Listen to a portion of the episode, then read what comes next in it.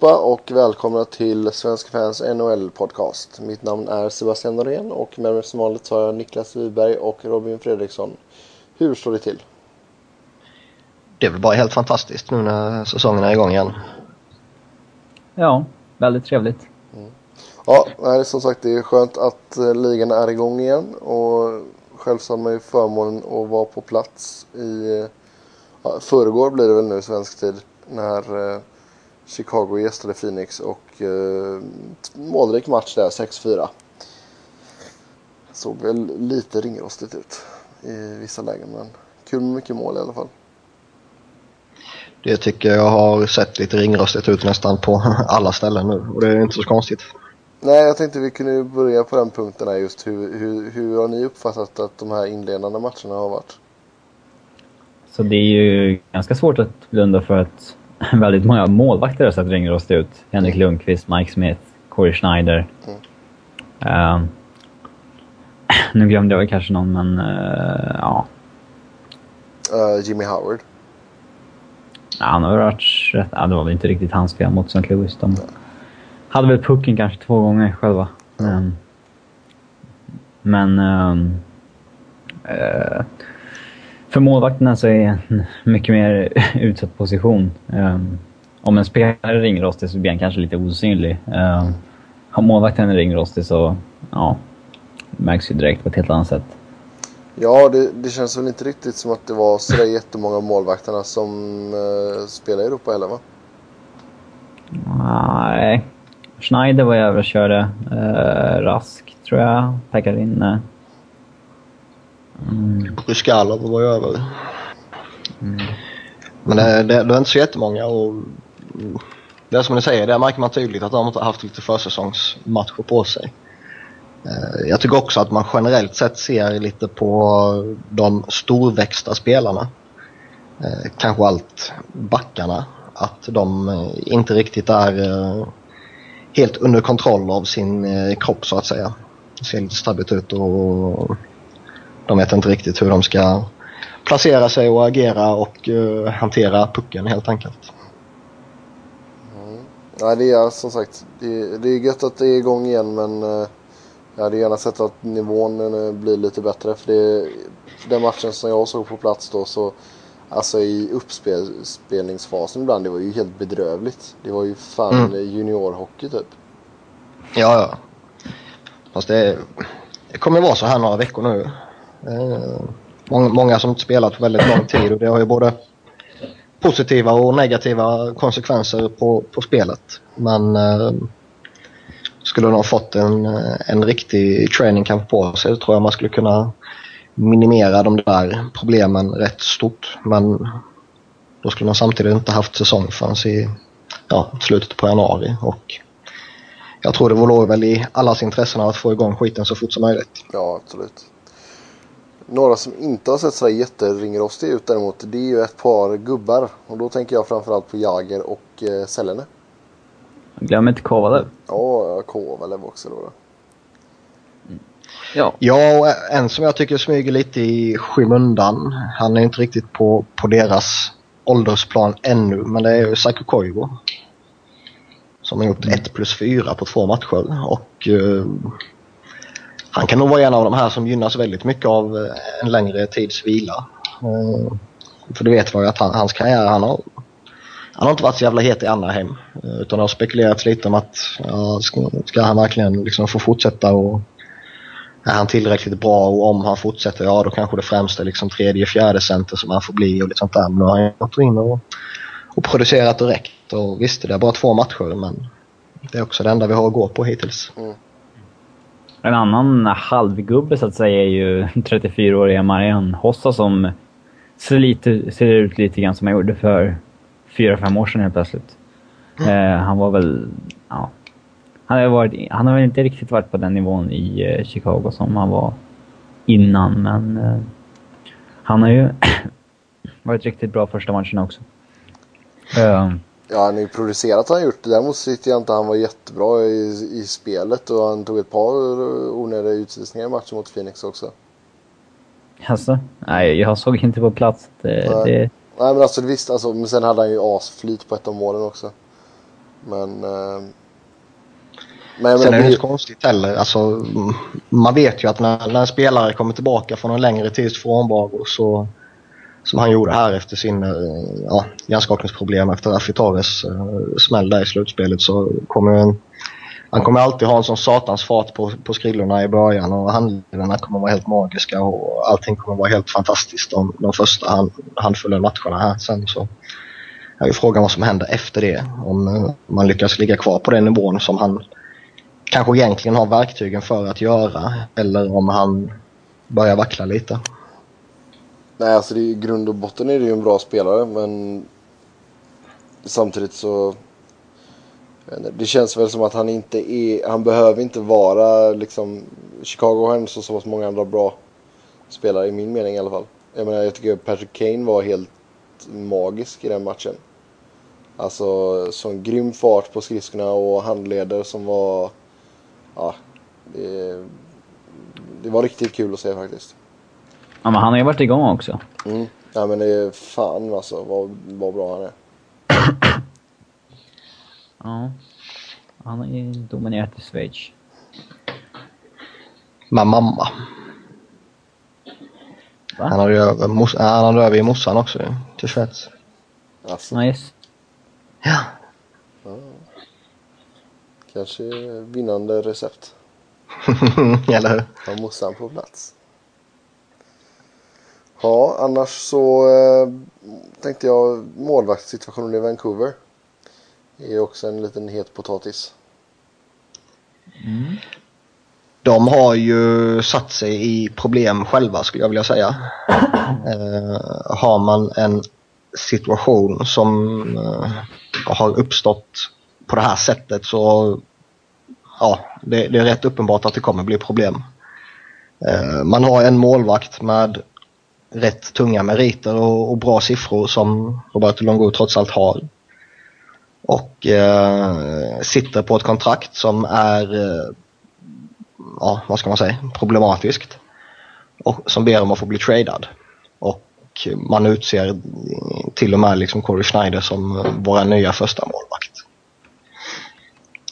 Att man inte lyckas trada den här andra målvakten då är för mig helt jävla obegripligt.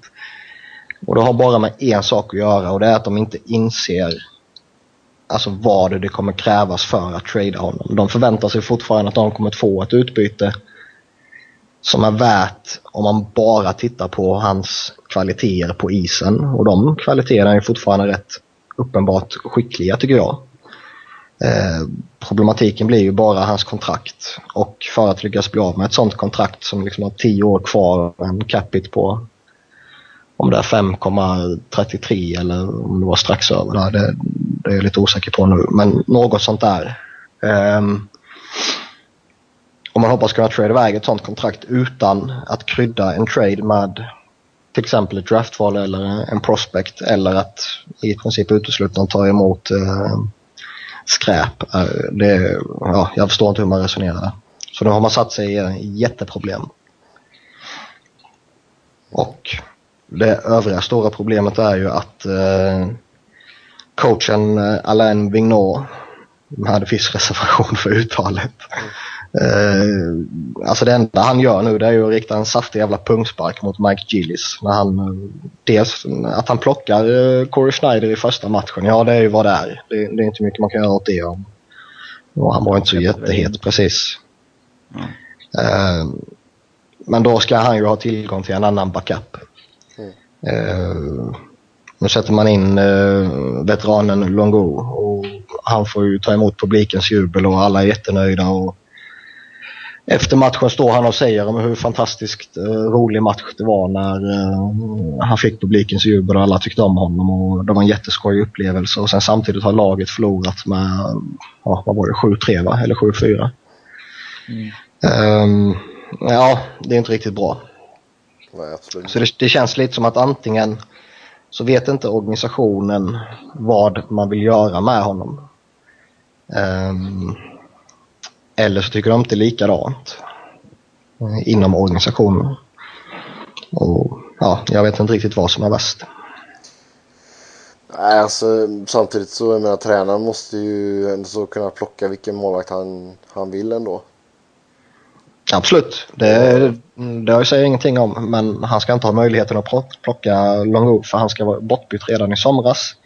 Eller inför säsongen nu med tanke på allt som har sagts och allt som har hänt. Ja, det håller jag fullständigt med om. Det, det har vi ju pratat om tidigare att eh, de borde ha skeppat iväg honom så fort det här uppstod liksom. Men eh, alltså jag tror det, det, kan nog ta lite på Schneiders psyke nu om Longo liksom får fortsätta och stå och göra det så hyfsat bra ifrån sig och just att han har publiken med sig. Det... Ja, alltså det, han är ingen dålig målvakt. Han är minst alltså, lika bra som Corey Schneider, om inte bättre. Kanske till och med i vissa situationer kan jag tycka. Eh, problematiken är ju liksom, det är kontraktet. Det är det som ställer till det. Plus att han har bett om att få lämna. Vancouver har sagt att ja, ja vi, vi, liksom, vi jobbar på att trada. Ja, jo absolut. Men sen, och sen har det ju mycket med alltså, hur han hängdes ut i media också efter liksom slutspelen och finalserien och liksom allt. Liksom sådana grejer också. Oh ja. Så, äh, det är en riktig jävla soppa de har kokat ihop där.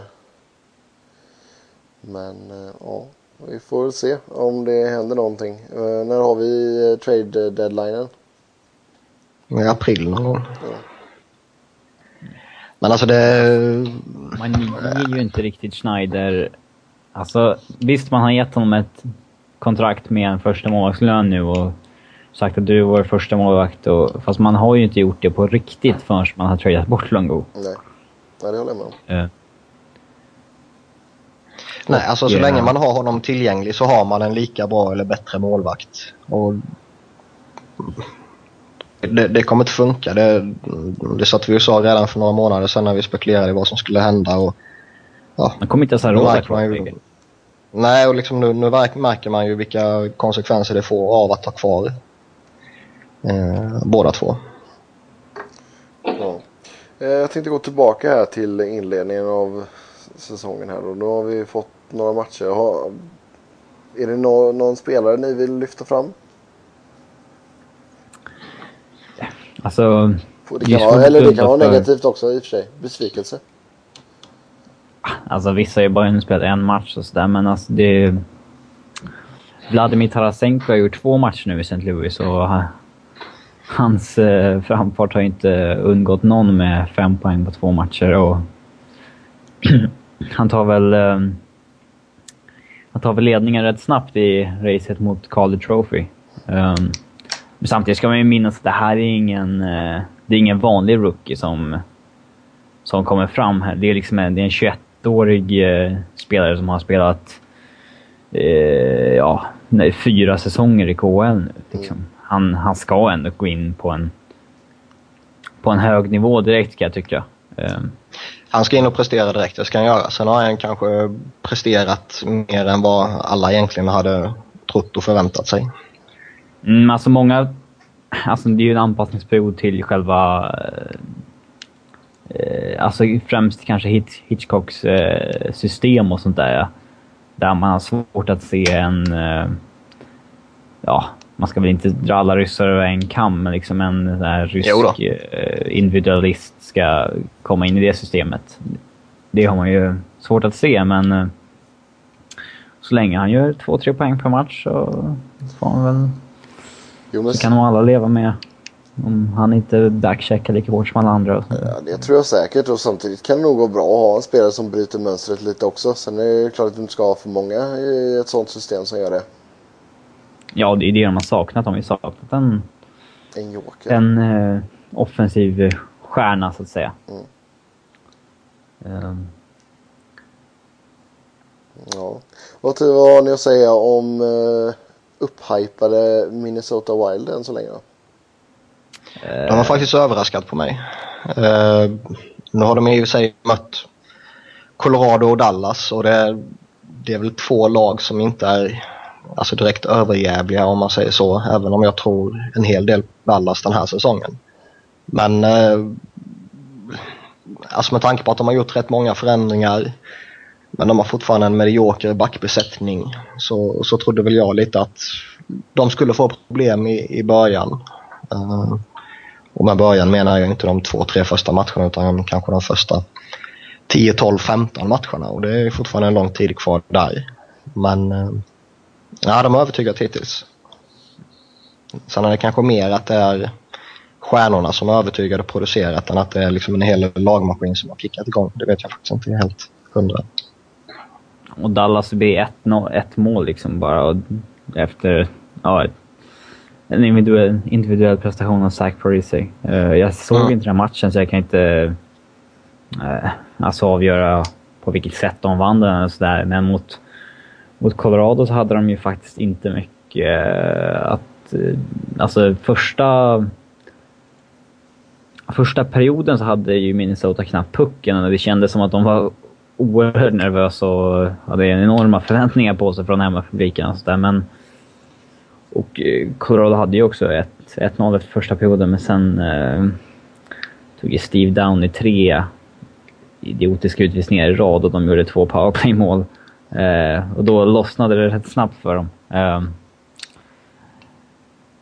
och eh, ja, alltså det... Med Heatley, Parisi, Koivu Granlund fick göra mål. Eh, det var... Allting klickade för dem liksom och då... Ja, då, då lossnade det helt enkelt. Mm. Och de har ju fyra, fem, kanske sex offensiva spelare som, som bör kunna ordna avsaknaden av mål som de har haft tidigare. Men eh, det, är fort, det är fortfarande ett stort frågetecken för backbesättningen för Ryan Sutter är väl den enda alltså, riktiga toppbacken där enkelt. Mm. Men det är nog bra ändå för dem att de fick eh, liksom en bra start här nu och att de känner att okej okay, men det är bra nu. Jag tror att hade de torskat, alltså... torskat de två första matcherna så hade det nog blivit surr direkt alltså. Ja, framförallt tror jag det är jävligt viktigt att både Parisi och Sudor har kommit igång direkt. Eh, kanske inte för deras egen eh, prestationsdel utan det, det liksom, skulle nog bara varit en tidsfråga egentligen. Men med tanke på allting de har satsat på de här två så skulle de haft lite problem här de första matcherna och det kan de fortfarande få. Parisi kanske går under fem matcher utan att göra någonting liksom så då kommer det börja gnällas direkt med tanke på vilka kontrakt de två herrarna har. Och det ska börja gnällas direkt. Har man kontrakt på 98 miljoner då ska man fan ta mig prestera varenda jävla kväll. Ja, alltså Ryan Sutters kontrakt, han är ju... Alltså han var en av de mest underbetalda spelarna när han låg på 3 miljoner. Han, han skulle väl ha kanske 6-6,5 miljoner liksom, för att ligga på rätt nivå. Uh, men ska man, ska man värva en sån back från Free Agency så måste man ju överbetala. Och han är ju ingen 7,5 miljoner dollars back egentligen, men han, igen, han är absolut han, en toppback liksom. Men, han, han tar igen det han gick miste om förut. ja, typ. Ja. Ja, eh, annars tänkte jag vi skulle prata lite eh, Detroit faktiskt. Och, Detroit. Eh, Detroit. Um, nu har man ju blivit av med Lidström och eh, Stewart. Eh, och eh, hur klarar man av detta egentligen? Ja, ska vi gå efter St. Louis-matchen så är ju klubben i helt fritt fall. Men eh, en match säger ju inte särskilt mycket, även om det såg dåligt ut. Eh, I natt spelade de mot Columbus och det... Eh, det var väl ett steg framåt, även om man inte ska tappa 2-0 till 2-3 mot Eh, Columbus eh, och sen behöva vinna på straffar. Eh, men... ja, det... Det är ingen enormt bra backbesättning de har. Jag tycker att Ian White var en spelare som bars väldigt mycket av Niklas Lidström i fjol. Uh, Niklas Kronwall tycker jag är alltså ganska allmänt liksom överskattad spelare. Um, framförallt på svensk mark kanske. Um, Kyle Quincy tycker jag... Ehm, alltså han, jag tycker inte han är bra egentligen. Han gör mycket, mycket märkliga saker på isen hela tiden. Och Karlo Koljakov var ju väldigt opolitlig fysisk status hela tiden. Och i, i natt klämmer han ju av skadad efter en tackling och väntas vara borta ett par veckor. Uh, och Jonathan Eriksson var redan borta. Uh, de, hade, de har ju två unga backar som spelar idag. En är ju Brandon Smith som de tror mycket på och sen Lasshoff som var uppe eh, och ersatte i natt och han gjorde ju faktiskt mål. Eh, men eh, jag... Eh, jag ser väl inte bara backbesättningar som den alltså, svaga punkten i det här årets Detroit. Det, bortser man från Zetterberg och Datsuk så tycker jag att forwardsidan alltså, ser väldigt, väldigt svag ut. Vissa, alltså man är oerhört kännbar för skador där. Um, framförallt om de ska spela Zetterberg och Datsuk tillsammans. Uh, för att Datsuk, han fick igång Franzén och satt och eh, fick, gjorde honom till en av de bättre målskyttarna igen. Zetterberg fick igång Filppula. Uh, ehm, jag, jag är inte säker på att Filppula och Franzén tillsammans utan någon av de två kan prestera på den nivån. Mm. Uh. Ja, det kan jag hålla med om. Och jag menar liksom... Vem ska man skicka fram Franzén framför mål här nu när Holmström är borta?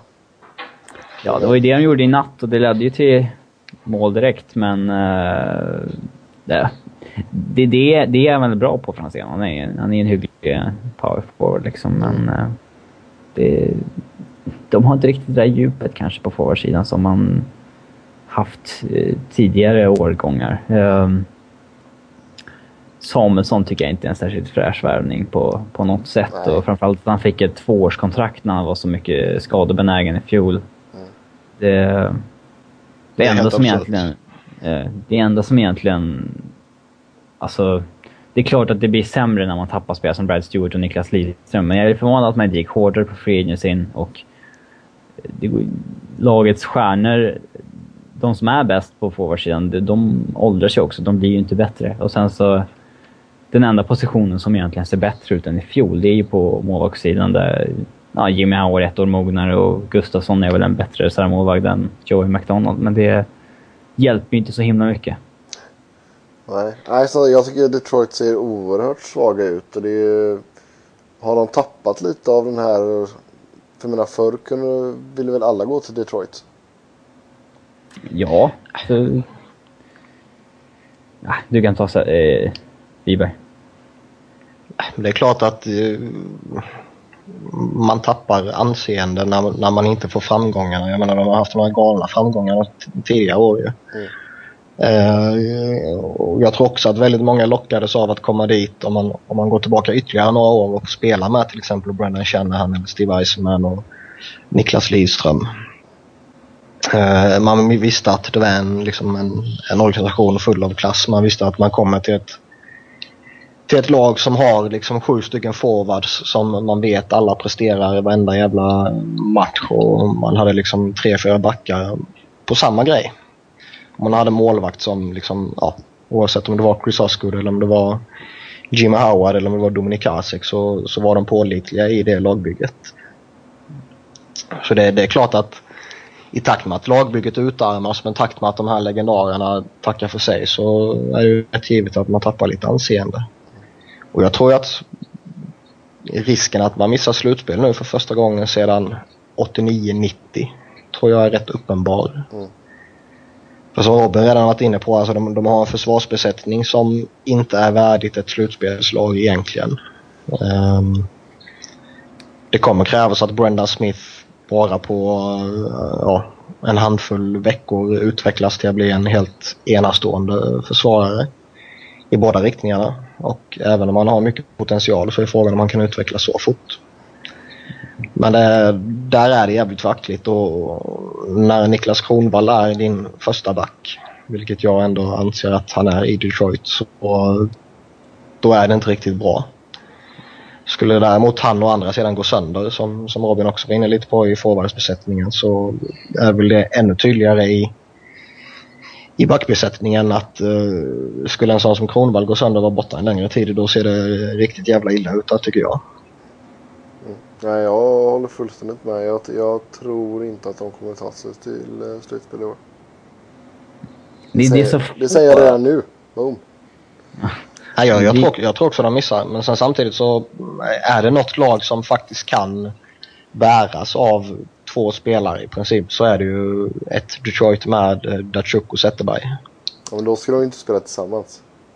Nej, det håller jag med dig om. Jag, jag tror ändå att får de en sån där tokformtopp som håller hela säsongen oavsett om de spelar tillsammans eller de leder två kedjor var så, så är de så pass bra i grunden att de kan göra så pass många poäng och därmed se till så att Detroit tar sig till slutspel. Men jag tror jag har så svårt att se... Alltså det är så... Det är så få spelare som borde bli bättre den här säsongen sett till i fjol. Det är egentligen bara Brandon Smith och alltså Jimmy Howard kanske. Resten har ju en, liksom en ålderskurva eller en, alltså en formkurva senaste åren som pekar neråt. Och jag tycker att man har... Visst, man har varit liksom en contender i flera år och man ska alltid spela med bästa laget, men jag tycker att man ändå misslyckas lite med att... Alltså man ska inte köra en rebuild, men alltså i alla fall att uh, slussa in någon yngre spelare liksom för att... Så att man inte står här nu som det är nu och har en alltså en, hel, en väldigt stor grupp av äldre spelare som ska bära det här laget. Eh, borde kanske börja slussa in en Gustav Nyqvist redan i fjol eller och absolut i år. Alltså, han, be, det, han är 23 år nu. Det finns ingen anledning att hålla kvar honom i AHL längre. Han har ju... Alltså även om det handlar om att slussa in honom i en tredje kedja eller någonting så är det nyttigare för honom att spela ett tredje eller fjärde år i AHL, det, det är jag övertygad om. Um, och Brandon Smith, visst han kanske inte har varit så här mogen för det eller något sådär, men uh, i fjol till exempel så... Brandon Smith är ändå 23 år också. Han, uh, han är inte jätteung. Han, jag, är förvånad att man inte spelade en sån bredvid Niklas Lidström några matcher i fjol och liksom... Det är nästan som att man blundar mot vart man är på väg ifall man inte börjar alltså slussa in några, yngre spelare någon gång. Jo men sen har man ju inte haft lika bra flyt med sina draftval heller som man har haft tidigare år. Nej, alltså under nattens match så pratade Pierre Maguire om att man hade en väldigt ljus framtid för att man har draftat så bra i Thomas Tatar och Kalle Järnkrok och men alltså en Thomas Tatar har varit i Detroits system i tre fyra år och varit uppe och nosat på andra spel men skickats ner. Eh, och han är... Eh, eh, så jag vet inte om det är Detroit som inte vågar, alltså inte vågar satsa på dem eller om de inte helt enkelt är tillräckligt bra men Thomas Tatar är också 22 år gammal. Han, det är inte så att man har jättemycket talang Ehm, Kalle Järnkrok ser jag inte som någon kille som kan gå in om ett, två år och ta över hela laget och bära det till... Alltså och bära det här laget. Det, det, det är en talangfull spelare som kanske skulle liksom gått över redan i år kanske och slussats in bredvid en Zetterberg eller bredvid en Datsuk och... Um, den enda... Alltså det är klart, som, som du var inne Ja, kör vidare då. Den enda liksom, riktigt uppenbara talangen som, alltså jättetalangen som jag kan se, det är Peter Meracek, eh, tjeckiska målvakten som har varit, han var väldigt, väldigt duktig i JVM i fjol och vad jag har läst imponerat i AHL i år, men målvaktssidan är ju inte det där de är mest beroende av att få upp en väldigt het prospect. Nej. Och när Babcock snackar om att en sån som Adam Almqvist kanske kommer få testa på NHL-spel i år, då...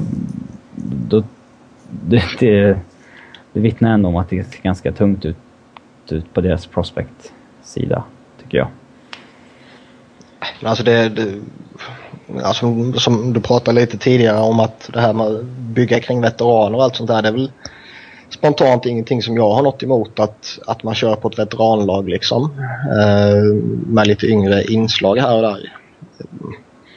Så att man förlänger med Todd Bertuzzi och liksom uh, lite sådana och Danny Cleary fortfarande har en stor roll och, och lite sånt där. Det har inte jag några problem med alls. Problematiken blir ju som, som du var inne på innan också att man sam, liksom signar en sån som Samuelsson.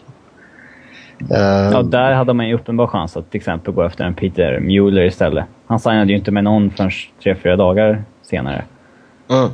Och liksom, ja, visst, liksom...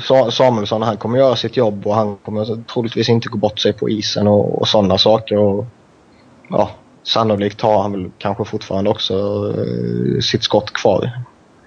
Jo men det känns jävligt uh, kortsiktigt.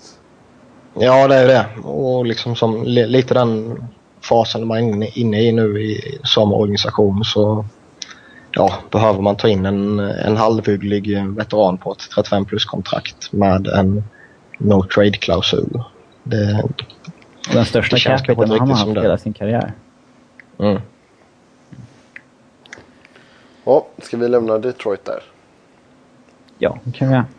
Då tänkte vi... Alltså, vi lär återkomma. Ja, det lär vi säkert göra.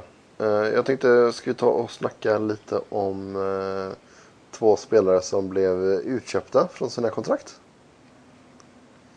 Då har vi ju uh, Wade Redden och Scott Gomez. Och uh, Redden uh, signade ju ganska omgående med uh, St. Louis för ett år. Och han fick väl en miljon om jag inte helt fel. Det stämmer. Han fick 800 000 i lön och så får han lite bonusar så han kan nå en miljon. Mm. Och det känns väl spontant kan jag tycka som en väldigt klok chansning. Um, utan att av rätt uppenbara skäl ha sett honom i NHL den senaste tiden mm. så tror jag fortfarande att han är en kompetent back uh, för en roll som liksom sjätte, sjunde back. Uh, sen är ju då hela grejen att ja, satt han på det kontraktet han satt på i Rangers så skulle han ju liksom inte kunna spela som sjätte, sjunde back. Um, nu, nu när liksom han har utköpt och ja, han får ändå sina pengar där så han kan skriva vilket skitkontrakt som helst egentligen. Ja, det är så, bara extra pengar på kontot. Ja, precis. Så där, där, där tror jag liksom att uh, han, han lär nog inte gå runt och gnälla liksom på att ah, vad fan, har jag liksom ingen inkomst. Utan jag, jag, jag, tror mer han är jävligt nöjd över att få chansen i NHL på, på ett seriöst och på ett riktigt sätt igen. Ja. Men var det bra business av uh, Rangers att köpa ut honom i er mening? Business vet fan, det är väl... Alltså det enda... Eh, jag vet inte om han hade kontraktet med nästa år eller när han var sista året. Det är väl att de slipper capiten för nästa år. Nej, han hade nästa år också. Mm. Ja, och det... Alltså det snacket som var det var ju att de hade sagt åt honom att uh, liksom, du, du, du, ska inte spela hockey detta året utan du, du ska sitta hemma och chilla. Uh, så att vi kan köpa ut dig till sommaren. Och uh, det tyckte inte spelarfacket om ju. Så de gick in i diskussioner med ligan och då kom man fram till att okej, okay, man får göra en så kallad uh, accelerated buyout eller vad det nu kallades. Mm. Där man får köpa ut dem på samma sätt som man skulle gjort till sommaren. Men uh, capiten kommer stå kvar den här säsongen ut och sen försvinner den precis som man skulle köpt ut dem till sommaren då liksom. Mm. Uh, så Rangers, och det är ju samma upplägg då med Scott Gomes också. Men Rangers hade redan bestämt sig då med, med Redden här att han, han, han liksom har ingen han har ingen framtid hos oss. Och bara att sitta hemma där liksom, eller köpa ut honom nu. För Rangers del är väl det skitsamma kanske egentligen för man kommer ju ändå betala honom. Mm. Men eh, jag kan tycka att det är mer humant att, köpa ut honom nu än att liksom tvinga kvar en kille. Liksom att, nej, nej, du får inte spela. Inte ens i AHL liksom. Ja. Med risken för skada då, så att ja, de inte skulle kunna köpa ut honom. Uh, vilket sannolikt skulle döda hans förhoppningar om han fortsatte NHL-karriär rätt saftigt tror jag. Jag tror självförtroendet hade nog gått uh, rejält i botten här om man för båda två om de var tvungna att bara sitta en hel säsong och inte göra ett skit liksom. Oh, ja. Men vad tror vi om Scott Gomez? Kommer Gomez att hitta en ny klubb? Kommer han absolut Allting tyder ju på att han är väldigt nära San Jose. Uh, han har varit där några dagar nu och tränat med dem. Och ja, alla rapporter, om det inte har kommit något nytt banbrytande i natt som jag har missat, säger ju att han, uh, han är extremt nära och det bara liksom är lite, ja. De ska bara kolla läget lite till typ. Ja. Ja, vad tror du? Kommer han kunna eh, eh, jag tycker fortfarande inte att Scott Gomez känns som lösningen på, på Sharks problem. Alltså, det är ju ingen kille som kommer gå in i topp 6. Det eh, alltså, grejen med Scott Gomez är att han har ju inte varit så dålig som ryktet har sagt senaste åren. Han har ju varit extremt underpresterande sett till den lönen han har haft snarare. Eh, han har ju ändå alltså snittat nästan en poäng varannan match i stort sett de senaste två åren. Och första året i Montreal så snittade han ju nästan en poäng per match. Men eh, han har ju lön för att göra 80-90 poäng per säsong. Eh. Ja, sen borde väl uh, han göra fler mål va? Alltså, det har han ju aldrig varit en spelare som har gjort... Uh, alltså, som, han har ju bara varit över 20 mål en gång. Jo, men han borde alltså, komma... även när han var bra. Ja, men han kan ju göra 10 i alla fall. Ja, men alltså... Jag menar, vad gjorde han i fjol? Två? Uh, ja, men han spelade ju bara... Ja, han gjorde två, men han spelade ju bara 38. Alltså han, han spelade inte en hel säsong. Det, det gjorde han inte. Nej. Men... Uh... Men jag menar, ställ mig framför kassen och låt folk skjuta pucken via mig och in så gör jag mer än två mål på en säsong. ja... jag, jag betvivlar det. Men... Ta på med extra stora skydd bara ja. Eh, alltså jag, jag, tror väl att han fortfarande har en karriär framför sig i NHL. Ehm, han är fortfarande en kompetent spelare så det handlar ju bara om vilken roll han är redo att ta i sin liksom, fortsatta karriär nu.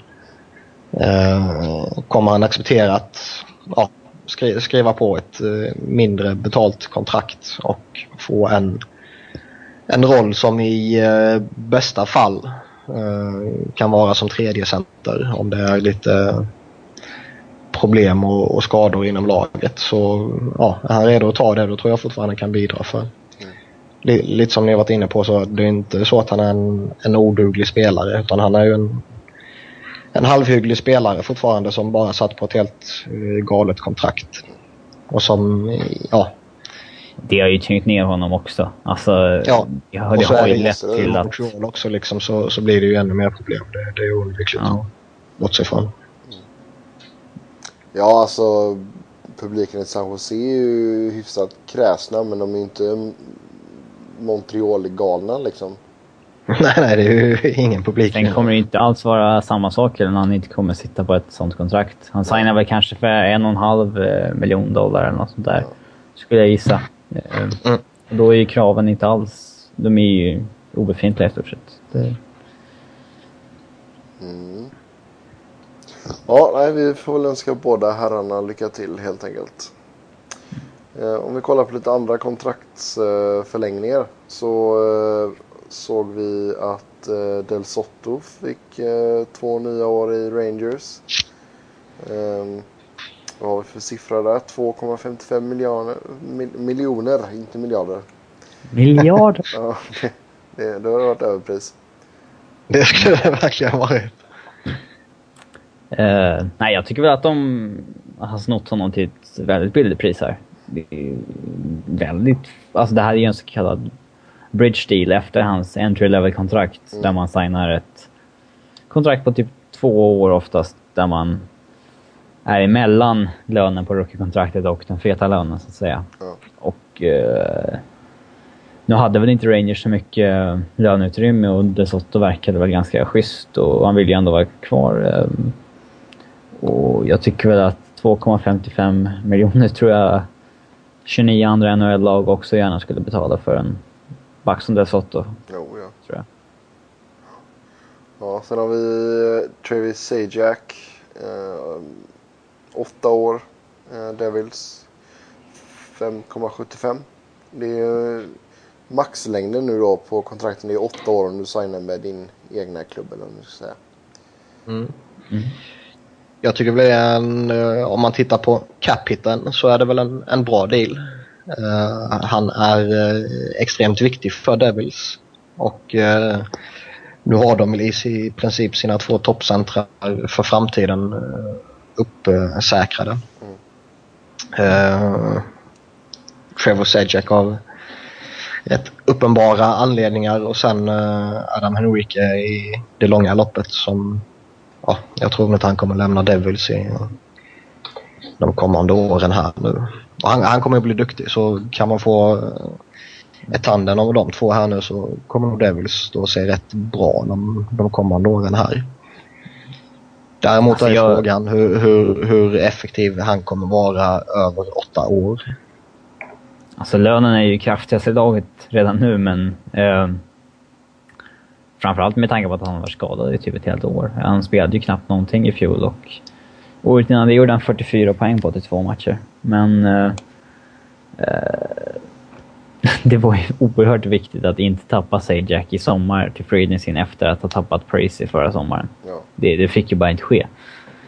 Så att... Eh, då gav man ju han bara exakt vad han ville ha helt enkelt. Mm. Mm. Nej, och liksom, han, han, är nog viktigare för Devils på isen än uh, om man säger som eventuellt trade bait också. Så jag, jag tror nog att om det inte händer någonting jättedramatiskt de närmaste åren här nu så ser vi nog Sajak i Devils under en väldigt lång tid. Yes. Sedan så skrev Florida ett nytt eh, två nya fräscha år med Dmitrij Kulikov för eh, 2,5 mille. Det är väl exakt samma som i Del Soto-fallet. Ja. Uh, bridge deal på två år med cirka 2,5 miljoner dollar. Uh,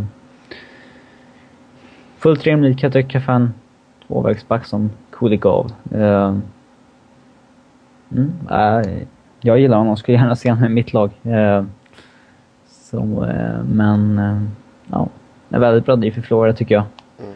Lite förvånad att han inte lyckades klämma ur mer pengar ur med tanke på att han hade ett kontrakt i KHL året ut. Han hade kunnat spelat och väntat liksom. Eh, som eh, vissa andra som vi ska ta upp senare. Men, och sen så finns det ju ett gäng backar i Florida som absolut inte är jättemycket bättre, som tjänar mer än honom. Filip Kuba tjänar 4 miljoner och eh, Ed Jovanovski tjänar ju 4,1 och han skulle tjäna max 1 just nu kanske. Eh, Eric Goodbranson, han fick, han fick 3,2. Eh, så... Jo men det, han kanske har fått löfte om att han får en uh, big payday efter detta. Alltså jag har svårt att se varför Goodbransons bridge deal skulle vara mycket dyrare än Kulikovs. Men... Uh, ja men det känns ju som att Goodbranson har blivit jävligt upphypad. Ja visst har han blivit det men... Så jag menar, det, sen kanske han har en bättre agent, vem vet? Ja, visserligen så är ju Goodbransons uh, första kontrakt det är ju, inklusive bonusarna och det, så att, uh, det är hans entry level kontrakt. Mm. Uh, Brian Campbells kontrakt är ju på över 7 miljoner dollar, men det var ju inte de som skrev. Så att... mm. Ja, sedan så fick Alexander Edler eh, sexårskontrakt med Vancouver, 5 miljoner. Det är ju ett fynd för Vancouver skulle jag vilja säga. Eh, han var väl, om man går på förhands, eh, eller förhandsspekulationerna och, och rykten och snack och önskemål och allt sånt här så var ju han kanske en av sommarens absolut mest eh, önskvärda spelare här nu då. Uh, om han inte skulle skrivit på nytt. Och han, med tanke på vilka kontrakt som delades ut i somras till typ Wideman och Carl så skulle Edler lätt kunna få ja, 6,5-7 på den öppna marknaden av ett desperat lag. Uh, skulle han nått öppna marknaden, typ Detroit som jag var inne på innan, skulle nog kunna punga upp lite för honom. Um, Men han kanske känner att han vill vara ett lag som har chans att vinna någonting. Jo, jag säger ingenting om det. Poängen är bara att skulle, skulle Vancouver släppt honom till marknaden, även om han så småningom skulle förlängt med dem också, ja, så skulle ja. det blivit till ett betydligt högre pris. Ja, ja absolut. Det hade ju inte varit konstigt om han ville testa marknaden bara. Nej, nej, absolut. Han, han är ju UFA i sommar. Um, inte RFA, så att säga. Mm. Men uh, med tanke på vad... Alltså han blir ju Vancouvers bäst betalda back, men de gav ju 4,6 till uh, Jason Garrison i somras. Och han är ju mil sämre än Edler, kan jag tycka. Men ändå. Han kommer ju tjäna gott om pengar så jag tror inte han är jätteledsen för det. han har ju börjat väldigt bra den här säsongen också Edler ska ju tilläggas med, med två mål på två matcher. Mm. Yes. Ja, Solid tvåvägsback. Mm. Sen har vi uh, Joffrey Lupo i Toronto, 5 år, 5,25.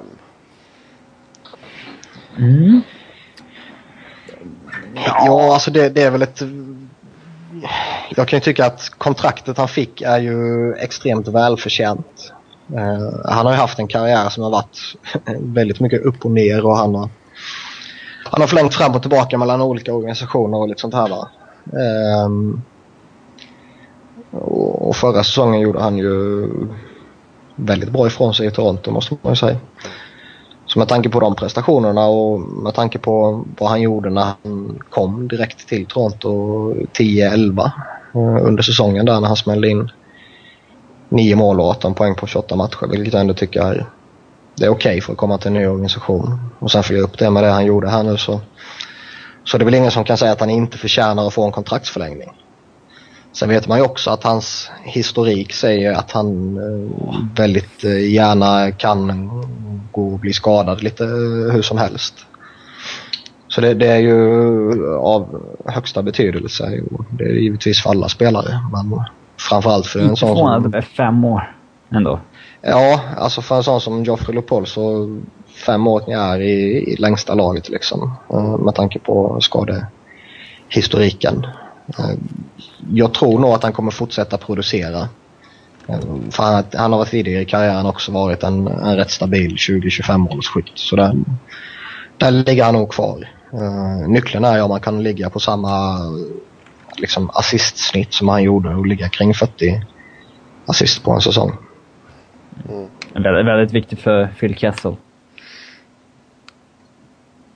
Ja. Ja. Ja, nu skulle de bara behöva en första center också. Ja. Men det, det jag, jag orkar inte ens prata om det längre. Faktiskt. Eh, några Tyler Bosak är en första center. Ja, visst. Eh, några killar som inte har skrivit nya kontrakt är ju eh, Ryan O'Reilly, PK Subban och eh, Jamie Benn som är RFA. Vad, vad tror vi händer där? Alltså, alltså det, det, det min... Ja, Jamie, Jamie Benn så är det ju... Mm, börjar boxa, vi kör boxningsordning här nu. Och B ja, ja, men jag menar det. Så vi börjar okay. med Ben. Ja. Eh, det är ändå Dallas... Alltså han var ju Dallas första center i fjol och eh, han kommer ju vara det i år när han väl har signat. Eh, jag är väl lite förvånad att de dröjer så mycket med det här kontraktet. När de har investerat så mycket i Jagger och Whitney och ska... De har ju agerat som en contender nästan och signat... Eh, liksom för, för att i år ska vi gå för att gå så långt som möjligt. Att man då dröjer med att signa sin första center så här länge, det, det är lite förvånande. Det ryktas ju inte om att han ska ha några enorma lönekrav på något sätt. Det ska väl vara typ 5 miljoner dollar eller någonting. Som... Mm. Det, det, är de siffrorna som cirkulerar kring honom. Och, alltså, kan man titta på de här tre så är det väl han som verkar vara närmast att signa i alla fall. Mm. för där rapporteras det i alla fall att det, där händer någonting och ja, Dallas kom med ett bud först och det, nej det ville de inte ha. Då kommer de med ett lite bättre bud lite senare och då, ja, en klassisk förhandling liksom. Mm. Så det, det där, där tror jag nog att det, Nej, det ska inte dra så här lång tid. Framförallt inte som du var inne på liksom, när, när man signar en sån som Jaromir Jagr och Ray Whitney och liksom man signar Jagr för att mm, inte bara för att han är individuellt skicklig men för att man liksom såg vilken betydelse han hade för till exempel Claude Giroux utveckling i Philadelphia förra säsongen här. Och hade ju liksom eh, direkt bestämt sig för att nej, men han, han ska liksom lira med Jamie Benn och förhoppningsvis kan han liksom få igång Ben på, på samma sätt som, som Giroux liksom. Så det, börjar det gå mer än eh, liksom en handfull matcher in på säsongen då, då börjar man nog som Dallas-supporter börja bli lite orolig kan jag tycka.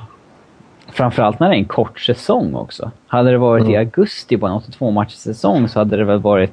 Det hade fortfarande inte alls varit bra, men det hade ju varit mer bra än nu när det är 48 matchers race i slutspel bara. Det, Ja, han ska Sen vet man ju också, alltså går, går det för lång tid och det, det gäller ju... Ja, spontant kanske det gäller framförallt Jamie Benn och Subban här då så går det för lång tid in på säsongen och man börjar hitta lag som börjar bli allt mer desperata efter lite stabbiga resultat så är det ju inte alls omöjligt att det helt plötsligt slängs upp ett offer sheet på, på bordet. Mm. Och då tvingas de... Ja, de måste ju matcha då. Det är ingen som vill släppa någon till... Ja, då tvingas de ju signa dem till den lönen som de förmodligen inte har velat signa dem till. Och varit så uh, hårda på den punkten att de till och med varit beredda att offra att de är med i säsongstarten. Mm. Mm. Ja, om vi går vidare till Ryan Riley då. Mm, ja, det är en lite annorlunda situation än de, de andra två. Uh, Ryan O'Reilly och hans agent uh, hävdar ju att uh, Ryan O'Reilly är en av ligans bästa defensiva centra på över 20 år i stort sett.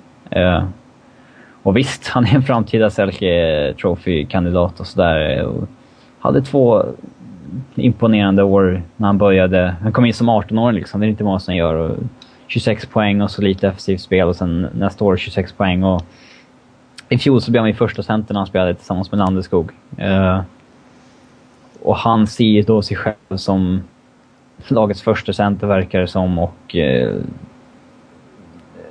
ja, en av ligans bättre defensiva centra och därför vill ju han ha 5 miljoner dollar per år uh, efter sitt rookie-kontrakt medans Avalanche verkar tycka att det är mer rimligt att han ska ha en sån här bridge deal som. Del Sotto och Kulikov på typ 3-3,5 miljoner på två år och får han bevisa att det är den här nivån han kan ligga på. Sen så kan han eh, signa ett stort kontrakt. Eh, jag tycker det är ganska befängt att man har en säsong över 50 poäng och sen så ska man ha ett kontrakt på 5 miljoner dollar som, är, som dessutom tar honom till eh, UFA-ålder det, det, det är ganska befängt och eh,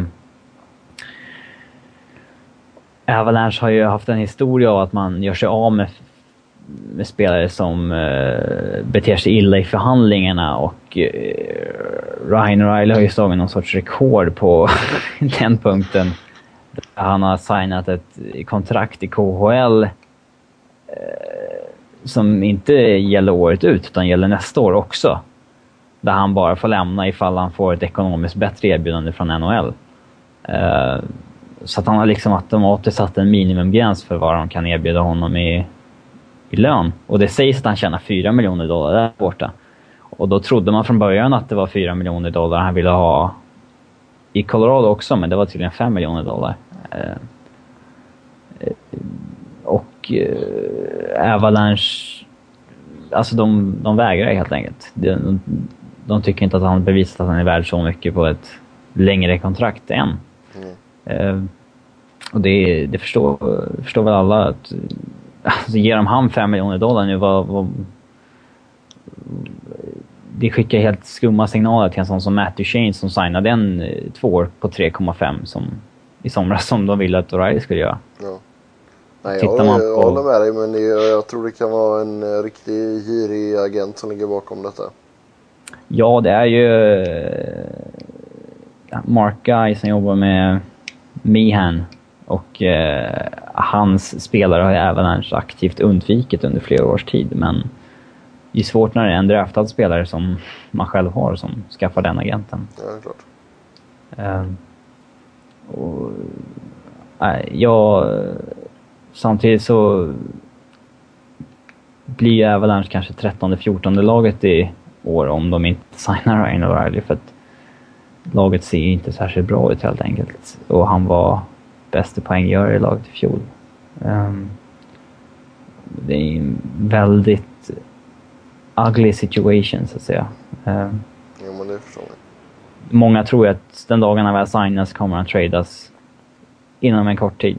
Vissa vill ju trada han redan nu men de inser väl inte riktigt att en O'Reilly som sitter med ett kontrakt i KL och kräver 5 miljoner dollar för att komma tillbaka till landet överhuvudtaget eh, inte har så mycket trade value som en, han kanske hade för ett år sedan när han såg som en av ligans alltså, bästa prospect-centra liksom, i tvåvägscentra.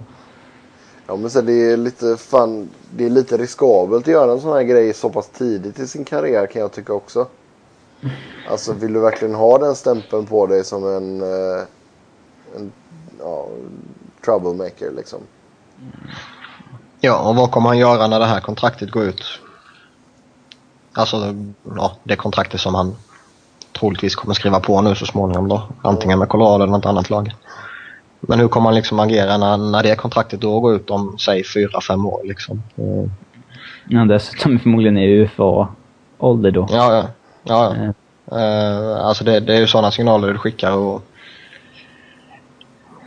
jag är väl inte helt övertygad om att han är extremt lätt att trada även om han signar ett uh, kontrakt. Framförallt inte om han signar ett sånt dyrt kontrakt. Nej, jag Nej, tror signar han för fem så kan det nog vara svårt. Ja, då blir det jätteproblem. Uh, alltså det finns väl säkert del de lagen som har sett honom... Uh, alltså... Han ledde ligan i takeaways och sånt där i fjol, så att han har... Uh, han är väl en av ligans uh, bättre up and coming tvåvägscentrar, absolut, men det laget som kommer träda till honom kommer ju definitivt göra ett uh, påpeka att han har ett väldigt dyrt kontrakt och få, få han till ett mycket billigare pris då. Mm. Oh ja. De får ju helt enkelt erbjuda honom 4 miljoner och en dollar. Mm, ja, möjligt. Han ska ju ha tackat nej till två eh, olika sorters kontrakt. Det ett är ju på 3,5 miljoner på två år och ett är på 3,4 miljoner på fem år.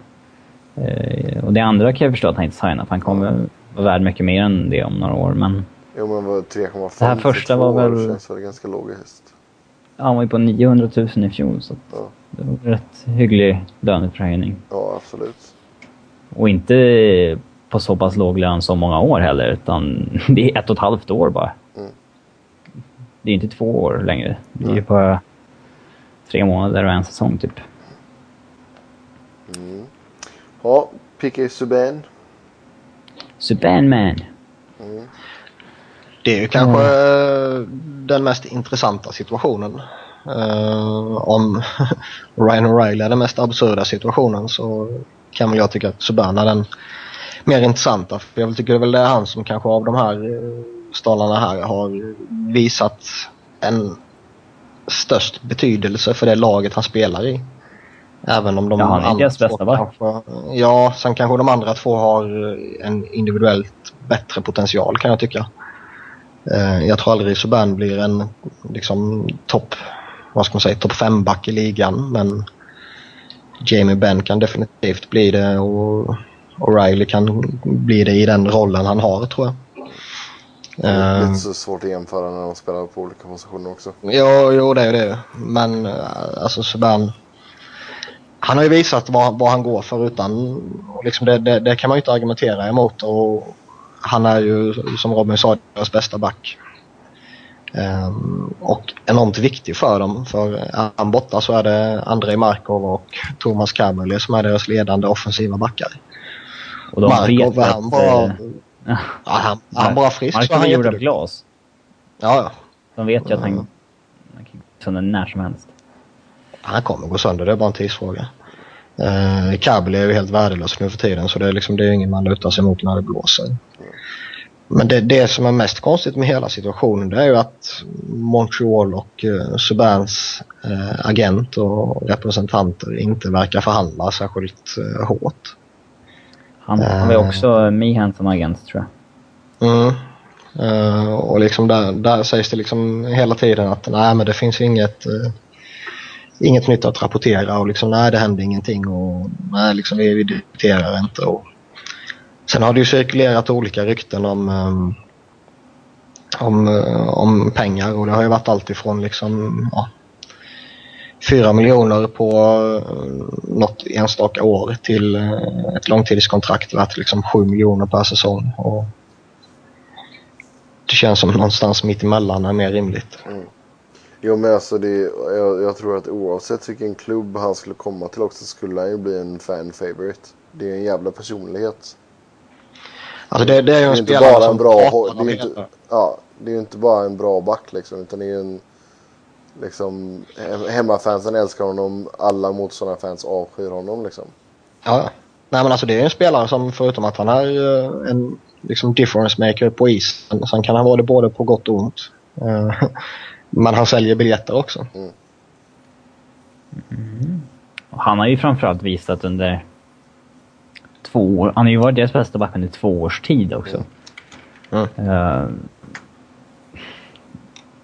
svårt att säga vem som har rätt och fel när det har varit så o, ospecifika rykten kring honom hela tiden.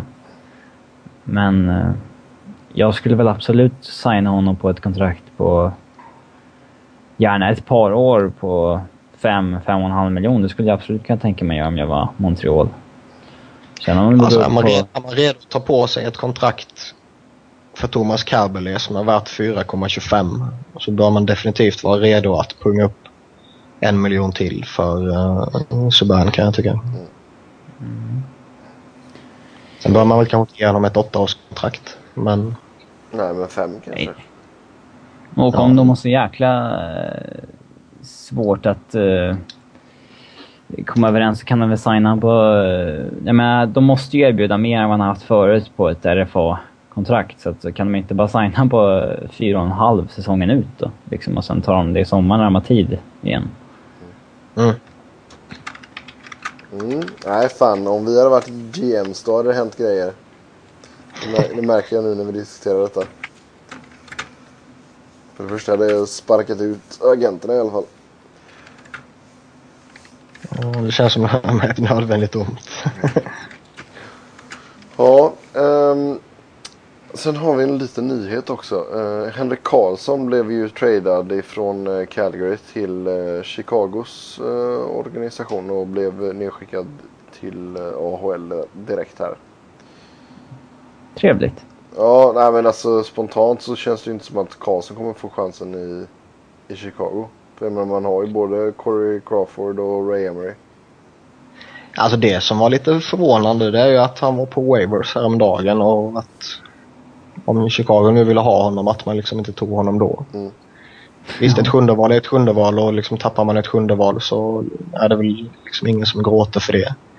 Men uh, att behålla ett sjunde val eller inte behålla ett sjunde val. ja, det är klart man behåller det. Mm. Mm. Så det, det är väl lite förvånande. Har, det... finns många spelare som har gått sjunde rundan som har Ja, man, kan, man hittar fynd överallt. Um, men själva grejen är, frågan är ju då om har det hänt någonting sedan han var på Waivers? Har man fått någon signal om att uh, Ray Emery mår, hans ja, höft som han haft sådana problem med tidigare, han kanske inte mår helt bra ändå liksom och lite sådana där saker. Mm. Um, om jag hade varit uh, Paul Holmgren så hade jag nog snappat upp honom på Waivers när han var där häromdagen. För jag tycker ändå att han är en kapabel reservmålvakt uh, till skillnad från de de har nu i Philly. Ja, det håller jag med om. Uh, alltså om man tittar på en Phillies målvaktssituation så är ju Michael Layton är ju en spelare som, han är ju bäst när han har, när han får spela hela tiden. Uh, vilket man har märkt i hans tidigare vändor i Flyers liksom att när han sitter på bänken och hoppar in i en match och bara ska spela den matchen då, då kan det gå hur fan som helst. Uh, liksom spela var tionde matchen och sånt där som en klassisk backup kanske gör. Om det inte är jättemånga back-to-backs på, på rad liksom. Men däremot när han får förtroende och han får spela hela tiden som ja, man märkte säsongen 9-10 och när de gick till final där så då kan han prestera. Uh, om man hittar liksom zonen som man säger. Mm. Och det är väl lite, li, lite samma grej med Brian Boucher även om han är mer van i rollen som backup och på ett annat sätt kan, uh, kan ja, det, är en egen, det. det är en egen konstart det där med att vara bra reservmålvakt och bra första målvakt. Mm. Det... Mm. Men vad är det fjärde gången han är tillbaka där nu? Eller femte eller vad fan är det? På Sharon? Ja. Ja, något, något sånt. Ja, det är fjärde, fjärde Jag tror det var fjärde. Ja. ja, jag tror det är fjärde. Han börjar väl i AHL? Ja, han blev nedskickad direkt. Han är, han är bara invärvad som uh, liksom... Backup, backup? Uh, ja, backup till backupen. om det skulle hända någonting, om det är någon skada eller någonting. Mm. För det, man har ju en målvaktssituation under NHL som är smått bedrövlig. Och Boucher kommer, han kommer hjälpa Phantoms, det kommer han göra. Och då har vi inte ens nämnt det, det osäkra ryska första valet. Men eh, alltså folk, folk som lägger, nu har ju, alla vet ju att Philadelphia har förlorat två matcher hittills men folk som lägger någon skuld på Bruscala för de förlusterna, de har ju inte sett någon match eller så kan de inte hockey. Nej, uh, absolut inte men det är fortfarande ett osäkert kort. Det är... Ja, bara ser man på förra säsongen så är det ett osäkert kort, inget snack om saken. Mm. Sen har han sett betydligt bättre ut hittills även om det blivit två förluster och det enda man kanske kan kritisera honom för som kanske är uteslutande hans fel, det är väl uh, James Neals mål. direkt på tekning där. Eller inte direkt mm. på tekning men han, de vinner tekningen och han snattar till den. Där mm. han kanske... Ja, han kanske ska vara lite mer uh, alert helt enkelt. Mm. Men annars det finns det, det finns andra problem att lyfta fram uh, från de här två matcherna än Bruskalov. En målvaktssituation som ska bli jävligt intressant att följa är ju faktiskt uh, Lindbäck i Tampa. Det är sällan man ger en uh, målvakt som har stått tio matcher per år i två år helt plötsligt någon värvar honom och säger nej, nu är du vår första målvakt här. Liksom. Um, och det är många journalister där borta som verkar hävda att det här kan bli ett av årets fynd i NHL. Um, och det återstår väl att se, men jag tycker det ska bli en väldigt intressant situation att följa i alla fall. Mm. Um, för att det, alltså förväntningarna på dem är ändå stora på något sätt, men ändå så... Det krävs inte mycket för att det ska vara bättre än i fjol heller. Nej. det, det, var dagens sanning. Mm. Ja. Nej men alltså, jag menar, om vi fortsätter att snacka svenska målvakter så känns det ändå så som att eh, Florida håller på att missköta hela Jakob Markström eh, tycker jag. Att ja. det, det är fan dags nu alltså. ja. Um, ja, alltså spontant håller jag med dig. Men sen samtidigt så har jag inte sett honom spela. Så det, det är svårt också att totalsåga en organisation som ändå har stabila och pålitliga målvakter tillgängliga. Men han har ju varit uh, en av AHLs bästa målvakter i, vad är det, tre säsonger nu? Framförallt så tycker jag inte han gjort bort sig när han... Eh, han har inte gjort bort sig när de plockade upp honom han, fick, han, han har fått stå då. Nej, nej, han har varit bra tycker jag. Men, och jag menar liksom det Alltså argumentet från Floridas sida har väl varit liksom att de vill att han ska spela mycket matcher liksom. Och att de inte kan garantera det om han är, skulle vara uppe i Florida. Men... Uh... Ja, jag tycker att när man har stått sådär, när man har stått typ två år i AHL redan och 22 år gammal, då är det fan bättre att man står hälften av matcherna i NHL en säsong eh, mm. än att vara ett helt år i AHL igen. Uh, när man har två, två sen, trötta gubbar. Man, man kan vända på det också och göra det till en intressant diskussion. Om man nu har stått så många år i AHL och gjort det så bra, är det inte rätt talande då om man inte får chansen i NHL? Man har ju fått chansen då. Alltså, jo, men, fått... jo, men mer än någon enstaka match här och där. Liksom. Jag, jag menar liksom att okej, okay, nu skiter vi och skriva nytt med Scott Clemmensen. Nu plockar vi upp Markström. Mm. Uh, alltså jag tycker det signalerar rätt ty tydliga liksom, intentioner att ah, men, vi litar inte på honom. Um, Åtta var i alla liksom... fall eh, lener uppe i, i NHL nu, även om det är en väldigt konstig situation när de har tre målvakter uppe i NHL. Ja, det är korkat. Mm. För det, det, skulle ju liksom, det skulle Florida kunna göra också. De kan ju plocka upp tre stycken och sen ha en av gubbarna sittandes på läktaren liksom om de vill det. Mm. det enda som jag kan se, det som jag var inne på tidigare, är att de, de litar inte på Markström. Uh, han kanske har gjort det fantastiskt bra i AHL men sen så fuckar han upp det hela tiden på, på deras träningar och på deras internmatcher och på, på allt sånt där liksom. Så, mm.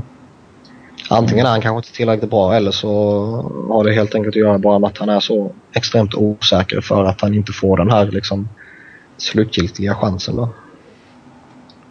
Ja. Mm, ett mysterium. Ja. Nej, har vi något annat att tillägga? Nej. Eller nöjer vi oss med detta? Nej, det kan väl vara rätt bra för den här veckan. Ja. Det är matcher hela tiden. Så eh, vi kommer ha mycket att eh, diskutera i nästa vecka. Eh, tills dess så vill ni diskutera hockey med oss så är det Twitter som gäller. Mig hittar ni på Noren i ett ord, Niklas på Niklas Wiberg i ett ord, Niklas med C och Robin på R underscore Fredriksson. Sen kan ni även använda den jättelånga hashtaggen Svenska fans NHL podcast. Tills nästa vecka, ha det gött, hej! Hej!